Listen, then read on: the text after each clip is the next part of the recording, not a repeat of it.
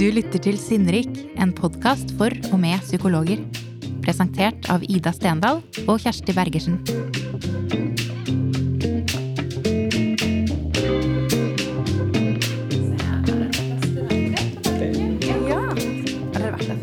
Vært i Oslo før.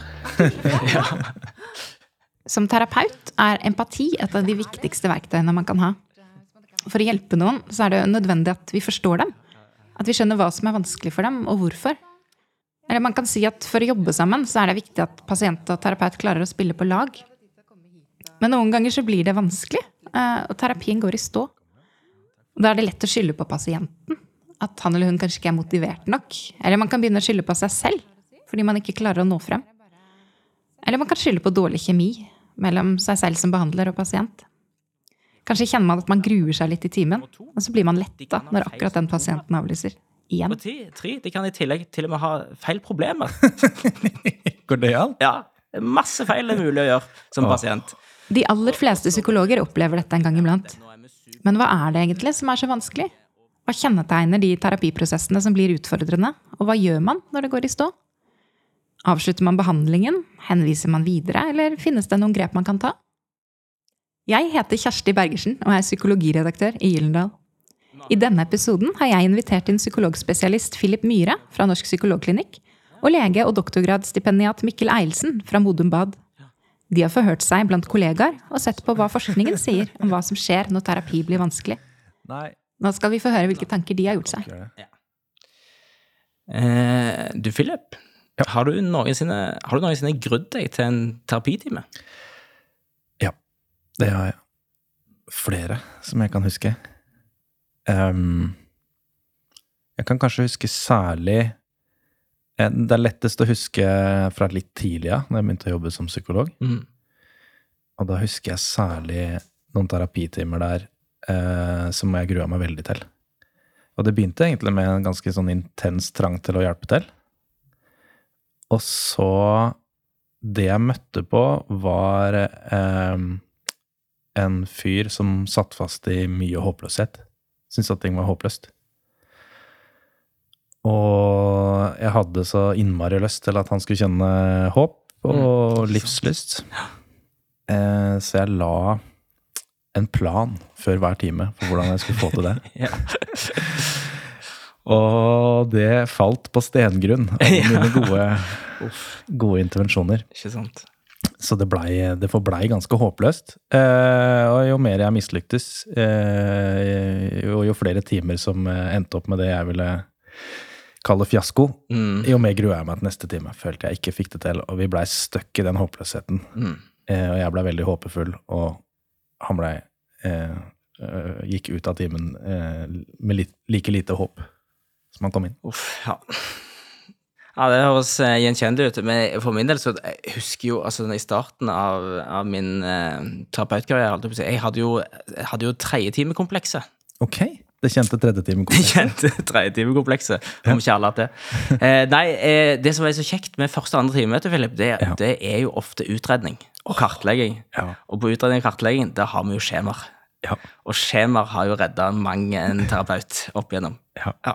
For da er det så lett å vite hva han skal fylle tida med. Da er det en, en mini der, en litt lang skidd der, gjør det grundig der. Men så, vet du, så kom jo tredje time. Og da var jeg tom for skjemaer. Og hva i alle dager skal jeg, Da vet jeg at den terapeutiske magien skal liksom begynne, men, men helt hvordan den skulle eh, spilles ut, det var litt sånn Noe mer uklart. Ja, det var rimelig uklart. Ganske lenge for meg, altså. Så ja, nei, det, jeg, har, det, jeg har hatt mange terapitimer jeg har grudd meg til, altså. Ja, altså eh, Nå har nå jeg grua meg litt, og det høres ut som du har grua deg litt. Jeg, Ja. jeg tror vi kan konkludere med at vi ikke, vi, at ikke vi er aleine. Det tror du hell Ja, heldigvis så ser det sånn ut, da. Ja. Ja. Men um, hva uh, hva, er- hva, hva veit vi om det her? Altså, jeg har jo hørt om det fra kolleger, og, og veit at det her er liksom et kjent, et kjent fenomen. Mm. Uh, men du som er uh, forsker om dagen også, i tillegg til å, til å jobbe med terapi, Mm. hva veit vi, vi om det her? Ja, det er jo litt det vi, skal se litt på i, denne, denne, praten. Og fordi at eh, bare for min egen del, altså selv om jeg etter hvert så kommer jeg meg litt videre fra denne tredjetimekomplekset, jeg, jeg, jeg merka jo at eh, Ja, nå visste jeg sånn cirka hva jeg kunne, kunne gjøre litt, da. Men samtidig så fremdeles så var det liksom noen timer jeg, jeg grudde meg til fremdeles. Det var noen pasienter som jeg opplevde litt sånn ekstra vanskelig eh, å få hjulpet, hjulpet da. Og da, Derfor syns jeg dette temaet som vi skal liksom snakke litt rundt, da, om eh, de timene vi gruer oss til, eller van, litt vanskelige pasienter i hermetegn, da.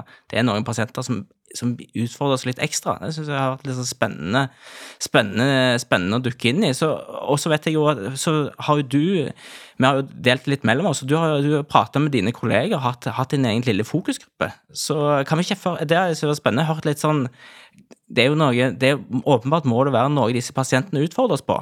Så hva er det du, hva er liksom de ga tilbakemeldinger på? Du, jeg, jeg Vi kan godt ta det først. Eh, jeg er, jobber jo en del som veileder for psykologer. Mm. Og en del av det veiledningsformatet er gjerne øh, sånn gruppeveiledning. Fire psykologer av gangen som har med videoopptak av terapiene sine. Mm. Og så ser vi på det. Um, og da valgte jeg ut fire sånne grupper med fire sånne psykologer i, og så spurte jeg det litt um, om det her. Mm. Hva er det dere syns er vanskelig? Hva er det som kjennetegner de terapiprosessene som dere syns er vanskelige? Um, og det var ganske interessant, Ja. for det ble veldig entydige svar. Ja. Ja, det delte seg i tre. Ja. Uh, det de sa var Det vi syns er vanskelig, det er når pasientene sier 'jeg veit ikke'. ja. Ikke sant. Så enten at pasientene blir litt sånn, havner i en passiv posisjon, eller at det ikke er håp, sånn som han eh, Mm. som jeg snakka om i starten. Mm. Så passiv, håpløs posisjon, folk som er stuck i det. Mm. Eh, når man ikke veit hva man skal gjøre med det, så er det liksom på toppen. Mm. Nå starta vi på toppen av pallen, da, men Ja, de to ja, ja, andre tinga er kanskje litt mer intuitive. Ja. Ehm, fordi eh, det her med pasienter som um, eh, står i fare for å skade seg sjøl, Mm. snakker om å ta livet sitt, Mm. det å kjenne på det, det ansvaret det er å være behandler for noen som vurderer å ta livet sitt, Ja. Det er også der oppe. Det Mm. syns psykologer er vanskelig. Mm. Og det tredje er eh, pasienter som kan ha litt sånn klandring utover istedenfor klandring innover. Mm. De fleste vi møter, er jo litt sånn klandrer seg sjøl og blir kan bli litt håpløse og sånne ting. Men, men de her som har en litt annen stil, Mm. som kan bli litt sånn rette pekefingeren utover, være litt oppgitt og irritert på behandleren eller litt sånne ting, det også, det også er der, da. Så de tre tinga der, det syns eh, eh, alle av de 16 psykologene som jeg spurte, eh, var vanskelig, og det var de tre tinga der det stort sett dreide seg om. Det er jo litt lettelse, for jeg kjenner jo igjen sjøl òg at dette, dette er vanskelige greier, altså. Ja. Og, Også, og, eh, og en ting i tillegg til, en, ja, Kjenner det igjen, men så, har jo, eh, så fikk jo jeg litt inn, eh, ble, ble interessert i dette, så kikka litt i forskningen òg, da. Hva, hva, hva sier den? Og ja, hvis vi skal gjøre det litt sånn tabloid, kanskje vi skulle forsøkt oss på en, å definere litt det begrepet først, da, vanskelige pasienter. Hvis vi skal liksom forsøke oss på en definisjon der, så kanskje kan vi si, og igjen veldig tabloid, at dette er pasienter som er syke på feil måte.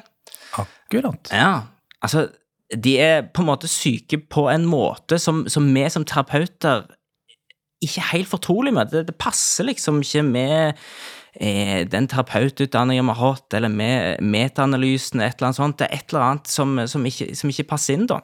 Og hvis vi skal konkretisere litt enda mer, da, hvordan de er syke på feil måte, så kan du kanskje dele inn at, i tre og si at ene er at de er liksom De har en feil måte å være på.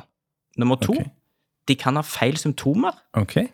Og ti, tre, de kan i tillegg til og med ha feil problemer. Går det an? Ja, masse feil det er mulig å gjøre som pasient. Og, og så må vi jo understreke, Philip, her, at det, nå er vi supertabloide, og, og på ingen som helst måte så mener jo verken du eller meg at pasienter kan være syke på feil måte. Det hadde jo vært veldig fint om vi kunne konkludert med det, at det var noe feil med de pasientene. Ja. Og så er jo kanskje utfordringa det her at det greiene som er litt vanskelig, er kanskje nettopp det folk søker hjelp for. Det er akkurat det. Um, så det, enn så fristende det er å rette pekefingeren dit og tenke at nei, det her, det her, vi kan avslutte den her praten her, fordi at det er jo noe feil der ute, Ja, det hadde vært deilig. så kan det vel se ut som at jobben vår rett og slett er, og målsettinga vår, Ja. er å hjelpe de folka her som sliter med de tinga. Ja. Også når ikke det ser ut til å passe så godt inn akkurat her og nå. Ikke sant? Men jeg blei bare nysgjerrig på hvordan det ser ut, ja, med de tre ulike tinga der. Hvordan er det det ser ut når en pasient oppfører seg feil? Ja, ikke sant. Og det spiller jo litt inn med, For å ta den først, da, så er det, det er litt det samme du har vært inne på litt eh, sjøl, som, som din, din gjeng har gitt tilbakemelding på. At ja, det er noen pasienter da, som vi kan oppleve som litt sånn ekstra krevende å være i rommet, fordi at de f.eks. Kan være litt kritiske, eller kan oppleves litt aggressive, eller litt insisterende. Og da vet vi jo at Jeg vet iallfall sjøl at jeg syns, det kan være litt sånn utfordrende.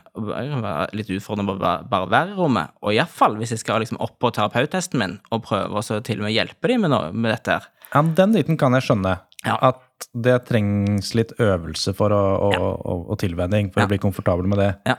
Men det å ha feil symptomer, da, og kanskje til og med feil problemer, det, det, det syns jeg er vanskeligere å skjønne. Ja, de har ikke lest eh, kapittel to og tre i pasientmanualen. Så det, det, er det som er problemet her. vet du. Oh, ja. Ja, og i kapittel to, da, når du er på feil symptomer, så står det at, eh, at eh, så, så står det at du bør helst ikke ha diffuse eller skiftende symptomer. Nei! Mm.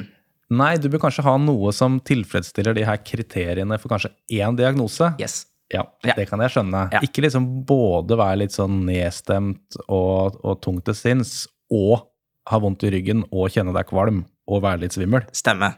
Og så har du plutselig noe annet i timen etter, eller i andre halvdel av timen. Nei, alle dager. Ikke sant? Som gjør at du Det er nesten Så vi springer fra ett behandlingsfokus til et annet, og så skal vi sette det ned i en behandlingsplan osv. Så, videre. så får vi aldri gjort den, vet du. Nei, men da skjønner jeg hva, hva, hva forskningslitteraturen oppsummerer med feil symptomer. Ja. Men feil problemer, da? Ja. Det som er greia, vet du, er jo at eh, av og til så er, har disse pasientene så er, Og det, eh, det er jo helt naturlig at selv om de har en depresjon, så det som er, det som er vanskelig aller nå, det er at de har en akutt stor gjeld. da. Akkurat. Og den, og den gjelden, den, den er, skaper så mye problemer for dem at det, det er jo det de har lyst til å løse. Ja.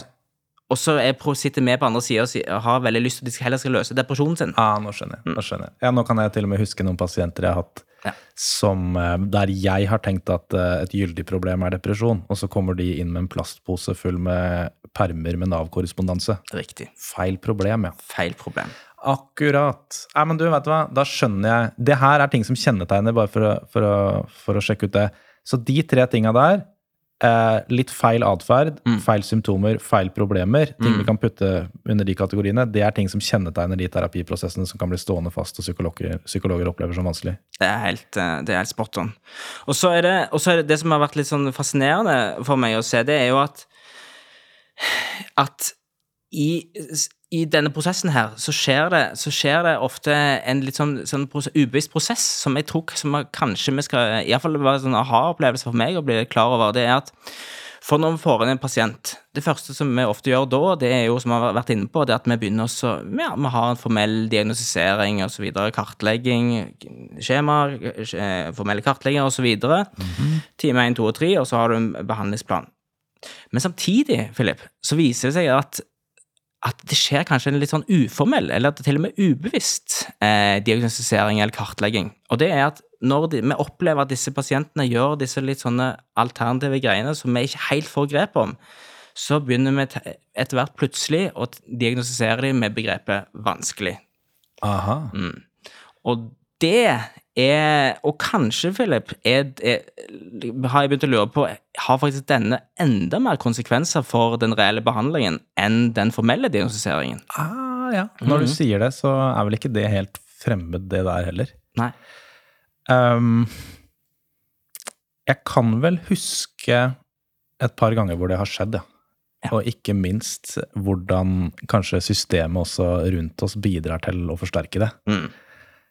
At man syns at noe er vanskelig i en terapitime, Mm. deler det på et teammøte eller sammen med kolleger, Mm. at der er litt sånn vanskelig, og så får man backing på det, og så kommer det sånne eh, Hva er begrepene på det, da? Ikke terapeutisk, ikke terapeutisk minded. Ja, det Har kjent ut. Jeg har hatt det opptil Ja, ja. flere ganger.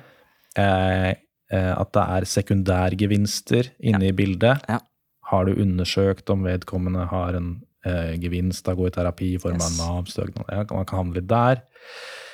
Eller at det er rett og slett kanskje typen en, eh, problematikk vi ikke skal jobbe med her, Mm. eller som skal sendes et annet sted. Eller, ja, men du, det her lyder, lyder kjent. Det er litt vondt å snakke om det, kjenner jeg. Ja.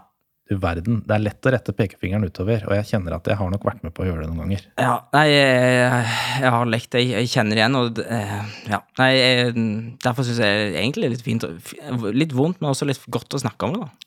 Ja, det kan være greit å bli litt sånn klar over det, så ikke vi bare, bare blir tråkkende inni det. Man kanskje klarer å se det litt fra utsida. Um, hva jeg bare, Når du sier det, så, så går tankene mine til hva har jeg gjort sjøl, primært når ting har blitt vanskelig. Ja. Og det jeg skjønner nå, er nok at jeg har nok gått i Ja, du lanserte Hva var det for noe? Tredje time eh, Komplekse. Ja. Jeg vil jo da si at jeg har gått i administrasjonsmodus. Ja, Ikke sant. Og det er eh, plan A. Jeg Mm. prøver ut eh, psykoterapi Mm. av et eller annet slag, en eller annen terapeutisk eh, tilnærming. Mm. Hvis jeg opplever at pasienten er litt for vanskelig, da det kan gå, Ja. eh, så kan jeg gå i administrasjonsmodus. Mm. Det vil si jeg får alternative tanker om hva behandlingen skal inneholde. Mm. Og noen av de, det er, det er nok delt, noe av det er nok bra. Det er nok noe med å innse sin egen begrensning, men Absolutt. noe av det handler nok også om å prøve å administrere seg ut av et terapeutisk problem. Det høres veldig Norge ut. Ja, og da har jeg kunnet gjort sånne ting som å si ok, skal vi tenke på litt andre tilnærminger, kanskje vi skal gjøre en medikamentell vurdering, Jeg skal se om jeg kan, eh, kan finne en lege her på huset, se om det går an, å, går an å tenke litt den veien. Mm. Det er jo fint noen ganger, da. Mm. Eh, og så er det sånn, ja, vi har sånne grupper her. Eh, psykoedukativ gruppe som kanskje kan passe litt for deg, eller vi har sånn stabiliseringsgruppe, eller sånne ting. Eller kanskje du skal tenke litt grann på om du kunne tenke deg å dra til Modum Bad, f.eks. Det er veldig fint å ha Modum Bad i bakhånda der. Absolutt. Ja, ja, ja. Vi er alltid til stede. Ja, ja, ja, Om ikke annet så er det ei venteliste på en måte som man kan sitte og administreres litt på der oppe. og sånne ting. Mm. Ja, Så jeg tror nok det har skjedd. Noen ganger har det vært fint, og andre ganger har det vært bare noe å, å klamre seg fast i. Mm. Istedenfor kanskje å ta tak i hva er det for noe som blir vanskelig, og så få snakke om det. Og, eh, og, og, og da ble jeg bare nysgjerrig, egentlig, for jeg kjenner jo meg igjen altså, jeg kjenner jo en, Det som er typisk for meg, i dette, her, det er jo at jeg, jeg blir jo så Når jeg opplever spesielt pasienter som blir sånn akti- nei, passive, jeg blir jo så aktiv. Altså, jeg, jeg lener meg så sjukt framover. Jeg er jo mer svamp enn menneske, vet du, på slutten av, av det der greiene. Og, og pasientene er enda mer passive når jeg kommer inn, så ja. Jeg kjenner jo på litt sånn, sånn småskyld når jeg snakker om dette òg, da. Eh, Men, men så blir jeg litt sånn nysgjerrig. Hva, hva sa gjengen din om eh, For nå har jeg snakket litt om meg og deg, men den gjengen, de psykologgjengen din, hva var, var det noen tilbakemeldinger der? Hva, hvordan de håndterte Em, de, de også nevnte vel på noe av det samme her, at eh, man ser seg ut, eller man prøver på en måte behandling, prøver terapi, og så hvis ikke det virker, så går man til plan B og plan C. Og at det her med å eh, gå inn i problemstillinga og se hva er det som gjør den terapien her vanskelig, eh, det er ikke alltid så tilgjengelig, den veien å gå. Mm. Eh, Så det er vel kanskje noe av det som blir, vi blir mer og mer bevisste på, både når vi snakker sammen nå, og snakker sammen med andre psykologer om det her, at Ja. eh, kanskje det er greit å prøve å finne ut eh, noe mer om den prosessen. da. Finne en eller annen vei å gå der. Ja. Eh, Istedenfor de her onde sirklene som skjer. Ja. Som kanskje er at ok, du har en pasient som har et problem som er vanskelig, Ja. og som er beslekta med det vedkommende søker behandling for. Mm. For eksempel det er vanskelig å koble seg på initiativ. Mm. Det er jo en del av depresjon, rett og slett. Mm. Og så har du en terapeut som ikke helt klarer å snakke om det å koble seg på initiativ, og som heller bare får masse initiativ. Eller i mitt tilfelle får masse håp Ja. i, møte med en pasient som bare har lite håp. Ja. Og så får man ikke snakke om det som er hovedproblemet. Og så blir det vanskelig, og da ender man opp med å gi litt sånn dårlig behandling, og pasienten blir enda dårligere, dårligere til sinns. Ja, for de responderer vel fort med både bare gjøre enda mer av det som fikk de i behandling. Det er vel eh, fort faren hvorpå Ja. du kanskje blir enda mer håpfull igjen. Absolutt. Og da er vi inne i en, en ganske vanskelig loop. Så, som, vel, som ender opp med at pasienten får litt ja, får liksom dårligere behandling i, én ting i det forløpet, men så vet vi jo også litt om at på en DPS eller på andre steder, selv om pasienten blir henvist, så vet vi jo også litt om at ofte blir nissen litt med på lasset. At denne merkelappen vanskelig, som de får med i den prosessen, at den, den kan Den går også fort, sniker seg fort litt med videre i neste behandlingsforløp. Og det er jo litt dumt, da, for da står de faktisk i fare for å ha litt dårlige forutsetninger for, å få, et, eh, for å få en god behandling, da. Og, også, og, og for vår del så er det jo Eh, for vår del så, så er det jo, eh, som, som terapeuter som skal møte dette, så er det jo, det er jo det er slitsomme prosesser å stå i, da. Det det vi har lyst til å hjelpe, vi har lyst til å mestre, og, og det å være, ha en del av disse her eh, det er en del av disse terapeutprosessene. Det, det kan, ser vi sliter folk ut, og kan, kan gjøre folk litt utbrent og sånn. Altså, jeg, jeg, jeg, ble jo litt, jeg ble så gira når jeg leste denne litteraturen. En, en ting som jeg syns var litt spennende å ta med, da, som Ja. ikke passer helt inn i, i flowen vår, da, men jeg må bli så gira så jeg tar den med, jeg. Eh, og det er at eh, det er en annen ting som ser ut som bestemmer vår eh, vår innsats som terapeuter i møte med disse litt sånn vanskelige og krevende pasientene Ja, ja. det er hvordan forstår vi hvordan forstår vi, eh, eller kan forklare, den, den måten pasienten er på. For eksempel, hvis vi har en manisk eller en psykotisk pasient, så er det jo så åpenbart, eller vil, de fleste tenke da, at her er det en biologisk forklaring til hvorfor pasienten sliter. Ja. Og da er det enkelt. Da er det lett å beholde sympatien for pasienten og gi den behandling vi skal, eh, som, som ja. Ja. Så det er en positiv prediktor, hvis du kan forklare det biologisk. Iallfall For for, eh, behandlingsprosessen. ikke sant, for, i hvert fall for eh, en god positiv prediktor for terapeutinnsats. Mhm. Ja. Men hvis du derimot tenker at det er at du skylder på psykologisk eller til og med moralske forklaringer, Ja. peker på de, da kan, det bli litt mer, eh, da kan det bli litt mer krevende å beholde sympatien for pasienten. Og vi står litt i fare for å begynne å skylde litt på pasientene. Ah, For eksempel, da, si at du har en pasient som, som bare som har noen dårlig, altså har sånn uheldig mønster som, som han gjentar, og så får han problemer. Og så begynner jo vi, vi peker jo ofte det litt ut, og så etter hvert så kan det være til og med pasienten ser det, og så peker vi det igjen ut. Men så Pasienten endrer seg ikke, vet du. nei. Nei. Og da er det fort gjort å begynne å tenke at han er ikke motivert nok, og begynne å skylde litt, skylde litt der. Og hvis Ja. vi i tillegg da, eller enda verre, hvis vi i tillegg tenker at grunnen til at han liksom ikke gjør disse endringene som vi har pekt ut, da, er for at dette er en moralsk litt sånn dårligere person, En sånn sekundær gevinst, eller gjør det for å få en ytelse, eller hvis vi går inn ned den veien, ja. ja, da eh, har vi en tendens til å slite å beholde sympatien, og det kan være veldig fristende Da gir vi dårlig hjelp, ja. ja, og fort henvise ja videre. det, der sier du noe, altså. Mm. Det er rart med det. Det er, um, det er fort gjort å gå dit når man Det er litt lettere å rette pekefingeren dit enn enn på, på egne ferdigheter og, og e- ting man kan gjøre noe med. Det er slitsomt, dette. Det er krevende å holde det der oppe. Ja. Du, det her Jeg kjenner jo blei nesten litt sånn nedtrykt uh, med tanke på alle de tinga her som kan gå feil. Ja, nå har vi vært mye nede. Uff a meg. Uff. Hva kan, vi, hva kan vi gjøre med det her, da? Ja. Nei, nei, det er fint å snakke litt om det òg. Jeg tror for min del så er det blitt tydeligere at, at bare det å være litt sånn i økende grad litt sånn obs, da. På, på når er de ferd, vi er i ferd med å begynne å tenke og, og klandre pasienten, eller begynne å tenke litt at dette er litt så vanskelig pasient, eller tenke sekundærgevinster. Være litt sånn obs Ja. på for vår egen del. Begynne å tenke, tenke litt rundt det, og legge merke Ja, til det. kanskje løsningen ligger litt der i hvor Kanskje det starter med det. Hvor er det vi retter pekefingeren? Ja. Ok, er jeg nå på et spor hvor jeg begynner å tenke nei, det er et eller annet feil med eh, behandlingsformatet, trenger sånn annet behandlingsformat. Mm. Det kan jo være et fruktbart spor noen ganger, men greit å være obs også. Er det en måte å unngå det som er vanskelig i, i terapien på? Mm. Eller rette pekefingeren mot pasienten, kanskje det, det som er starten på noe som kan bli absolutt vanskeligst. Ja. Er det et eller annet uh, som jeg tenker er inni pasienten som er feil, Mm. uten at vi får tematisert det? Mm. Det kan bli litt sånn plundrete. Mm. Det, du nevnte jo i forbindelse med det Mm. at hvis pasientene plundra med å være litt sånn aktive, Ja. hvis de kunne havne i en litt sånn tilbakelent rolle, så kunne Mm. det være litt vanskelig. Mm. Det kan jeg jo kjenne igjen. Ja. Der gjør jeg noe litt annerledes nå, etter å ha jobba noen år, enn Ja. det jeg gjorde før. Ja. Skulle vi prøvd å se litt på det? Kanskje det kan være nyttig for flere enn oss. Ja. Bare helt konkret, hvordan går det an å snakke om de her tinga som kan bli vanskelig, istedenfor å interagere med de eller rette pekefingeren mot de. Ikke sant?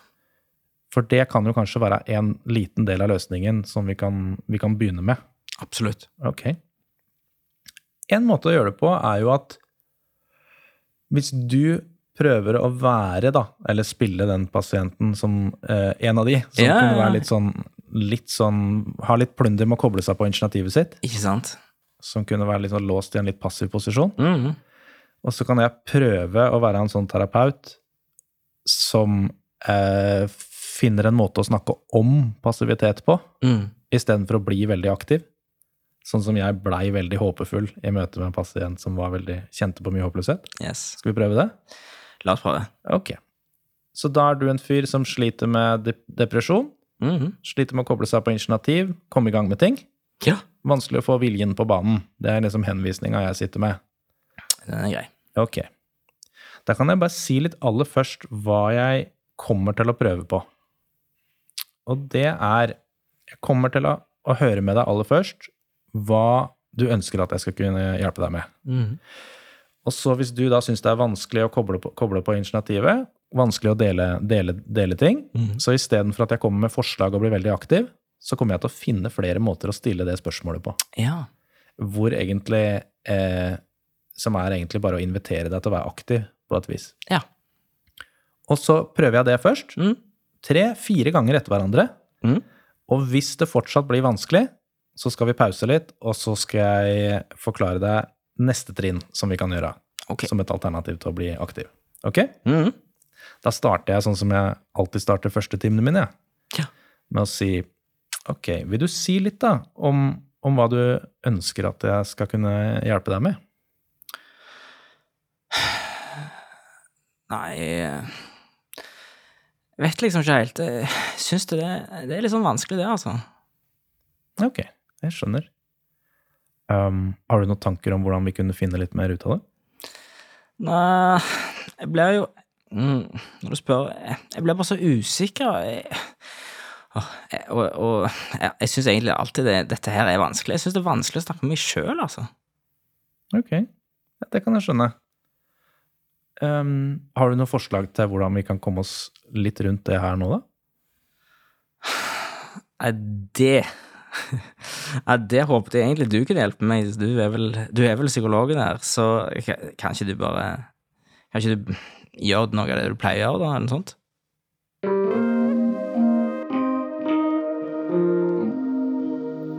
Og da er vi jo på et sånt punkt som er litt sånn vanskelig, hvis vi skal snakke litt om det rollespillet her nå, da.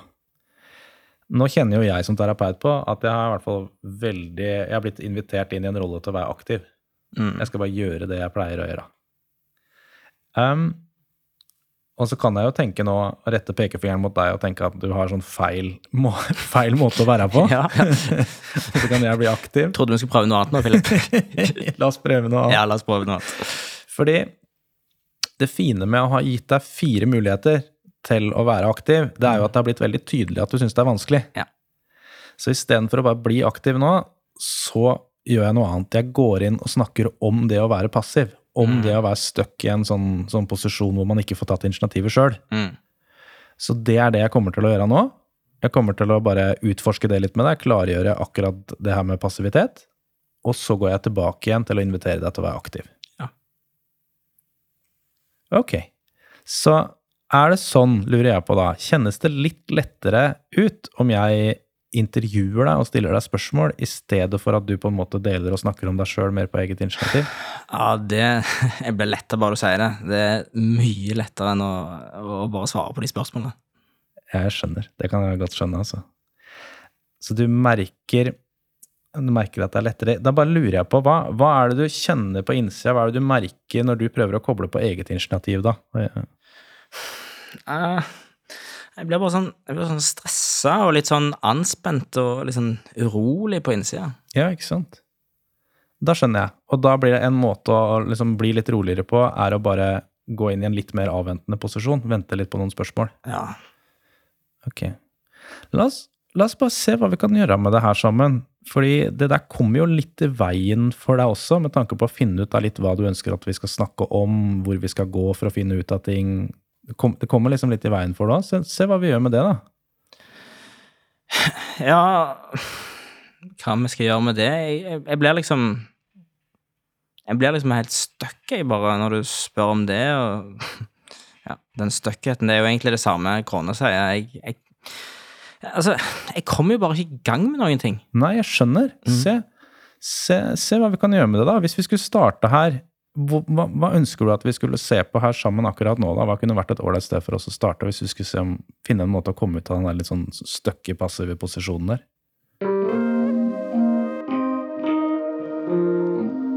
Ja. Det her er jo ett eksempel på å prøve å få til å snakke om ting Mm. istedenfor å interagere med ting. Ja. Istedenfor å havne inne i en sånn passiv-aktiv. Mm.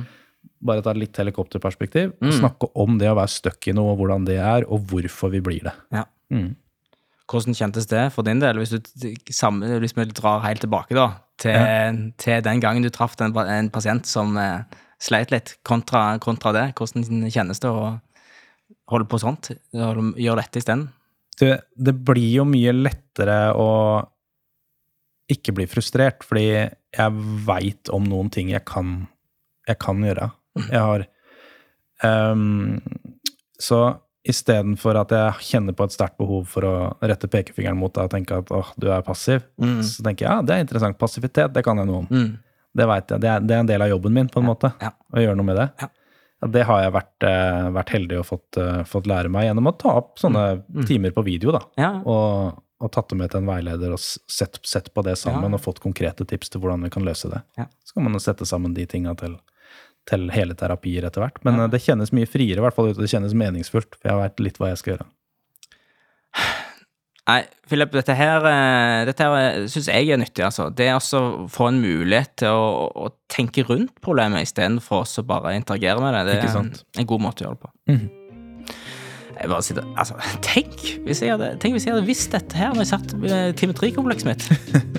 Livet hadde gjort så mye Det hadde vært noe annet. enn Mikkel.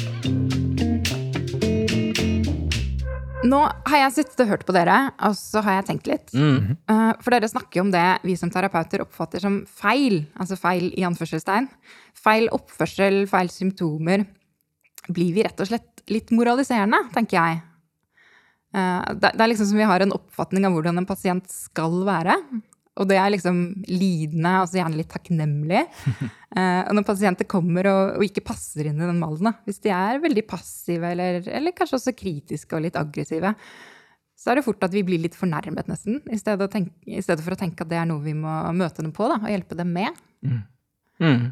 Ja. Ja, jeg, jeg, jeg ja, godt oppsummert. Jeg, jeg tenker jo at du oppsummerer egentlig ganske mye av eh, essensen i det vi har blitt litt sånn opptatt av. og jeg, jeg tror For min del så sitter jeg litt sånn igjen med en sånn tanke om at vi må, må se om vi kan hjelpe hverandre da, som terapeuter til å liksom eh, ikke helt miste blikket eh, på de vanskelige fenomenene som kommer i terapien, og fortsette å holde fokus på at dette er nettopp vanskelige intrapsykiske fenomener hos pasientene. Det er ikke et resultat at de har dårlig moral, eller at de bevisst saboterer oss, eller eh, oss som terapeuter, eller saboterer sin egen helse, men, men det er faktisk en del av selve lidelsen. Kanskje er det selve lidelsen. Så at vi blir litt sånn, at vi ja, fortsetter litt sånn obs på dette og klarer å tenke over at hvis vi liksom, ja, beholder fokus på at hvis vi ikke liksom har et sånn blikk på det, så får det litt konsekvenser da, for pasientene. Ja, det tror jeg absolutt. Det, det får jo store konsekvenser, og det er jo litt av det vi har merka underveis. Det er jo rett og slett litt vondt å, vondt å snakke om, for det, det her ligger jo i historien vår. Det- Jeg tror det ligger til i, i- de aller fleste som jobber med det her. Så har man, har man ikke ytt rettferdighet eller ytt så god behandling som man har ønska, nettopp pga. de Som man tinga der. Burde gjort, ja. Ja. Mm. Så det er vel en, en av de grunnene til at det er litt sånn vondt, vondt å snakke om, og, og kanskje ikke tas opp så ofte heller. Og så er det en annen ting, og det er jo ok, hver enkelt eh, fagperson sitt ansvar, det er jo én ting. Mm. Men det er også vanskelig å se at de systemene vi har rundt oss, de er ikke alltid lagd for å løse, løse problemet. Nei. Der det er, ja, jeg tenker bare, det er så komplekst. Noen ganger så står en terapiprosess fast. Og noen ganger så er det jo riktig, en god vei å gå, å tenke hm, Skal vi tenke en annen behandlingsform?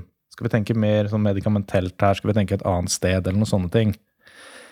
Eller er det rett og slett et eller annet inni denne prosessen som det går an å få litt hjelp med og få litt veiledning på. Og det er, ikke, det er ikke alltid at de systemene vi jobber i, er så gode til å hjelpe oss med å finne ut av akkurat det. Vi får liksom en, en, litt, litt, litt, backing på å eksternalisere og rette en eller annen pekefinger et eller annet sted. Kanskje også de gangene det ikke, ikke er sånn. Og så ikke alltid nok støtte, da, eh, til å kunne tørre å Det er ikke alltid trygt nok innafor der vi jobber, til å kunne si du, jeg står litt fast her. Er det noen som kan se på det her sammen med meg og finne ut av hvor vi skal gå videre? Mm. Så det er litt sånn systemer rundt oss også som vi kanskje sammen må, må hjelpe til å bygge på en litt annen mm. måte. Så systemet er også rigget for de litt jeg holdt på å si, enklere pasientene. Den mer altså oppskriftsmessige pasienten, ja. de mer strømlinjeformede forløpene? Ja, jeg tror absolutt det, altså. Jeg tror absolutt det, hvis det skulle hvis du skulle lage den, hva er det du kalte det, Mikkel? Den derre pasientmanualen. Pasientmanualen, så, så, tror jeg jeg ville skrive hvis du vil ha god behandling, pass på å, å oppføre deg litt sånn, hva er det du sa for noe, litt sånn eh, tak takknemlig og lydende. Ja, ikke sant. Vel takknemlig og, og ydmyk. Den, het, ja, ja, den, heter faktisk det, den pasientmanualen. Takknemlig og lydende. Takknemlig det er det heter, ja. Hvis ikke så må du ha litt sånn flaks med tanke på å komme til en, en eller annen eh, behandler eller eh, innafor kanskje et eller annet sted da, som har en god kultur på det her og som, som, i litt større grad klarer å se det her som et resultat av en sånn, mm. en, en sånn At det her er faktisk det man kommer i behandling for, mm. og ikke et eller annet som, som ikke passer inn i behandlinga. Mm. Ja, nemlig. Men det, det, systemiske er jo også interessant, og det er jo for så vidt vært en, en diskusjon for seg selv. Men hvis vi mm. nå skal tenke det hver enkelt terapeut kan gjøre, har du noen ja. uh, konkrete råd avslutningsvis? Ja. Ja, da må jeg kanskje tenke på hva, hva jeg hadde eh, hatt behov for å høre sjøl, da. For, eh, for, noen år siden når jeg starta med det her. Og det rådet jeg vil gi til meg sjøl, det er det samme som jeg vil gi til andre, og det er finn en eller annen måte å tenke på, en eller annen modell som du liker for å drive behandling. Um, det er ikke så nøye hvilke, hvilke modell, terapimodell eller sånn det er, for de er nå, de er nå eh, ser ut til å være ganske effektive alle sammen. Um, også, men, men, gi deg sjøl muligheten til å ha et rammeverk for å utvikle ferdighetene dine. Eh, ta opp terapitimene dine på video og ha en veileder som kan se de sammen med deg. Så du kan utvikle deg helt konkret og lære deg til å se fenomenene litt i et helikopterperspektiv og, og tenke rundt de og om de sammen med pasienten istedenfor å interagere med de. Det, det er nok det, det rådet jeg ville gitt. Da sier jeg tusen takk for at dere kom. Takk for at vi fikk komme. Tusen takk for at vi fikk komme. Du har lyttet til Sinnrik, en podkast fra Gyldendal Psykologi. Dagens gjester var Mikkel Eilsen og Philip Myhre. Musikken er laget av Johannes Amble. Produsent var Sunniva Glessing, og programleder har vært meg, Kjersti Bergersen. Gå inn på våre nettsider og meld deg på vårt nyhetsbrev. Da holder du deg oppdatert på nye episoder og utgivelser. Takk for at du hørte på.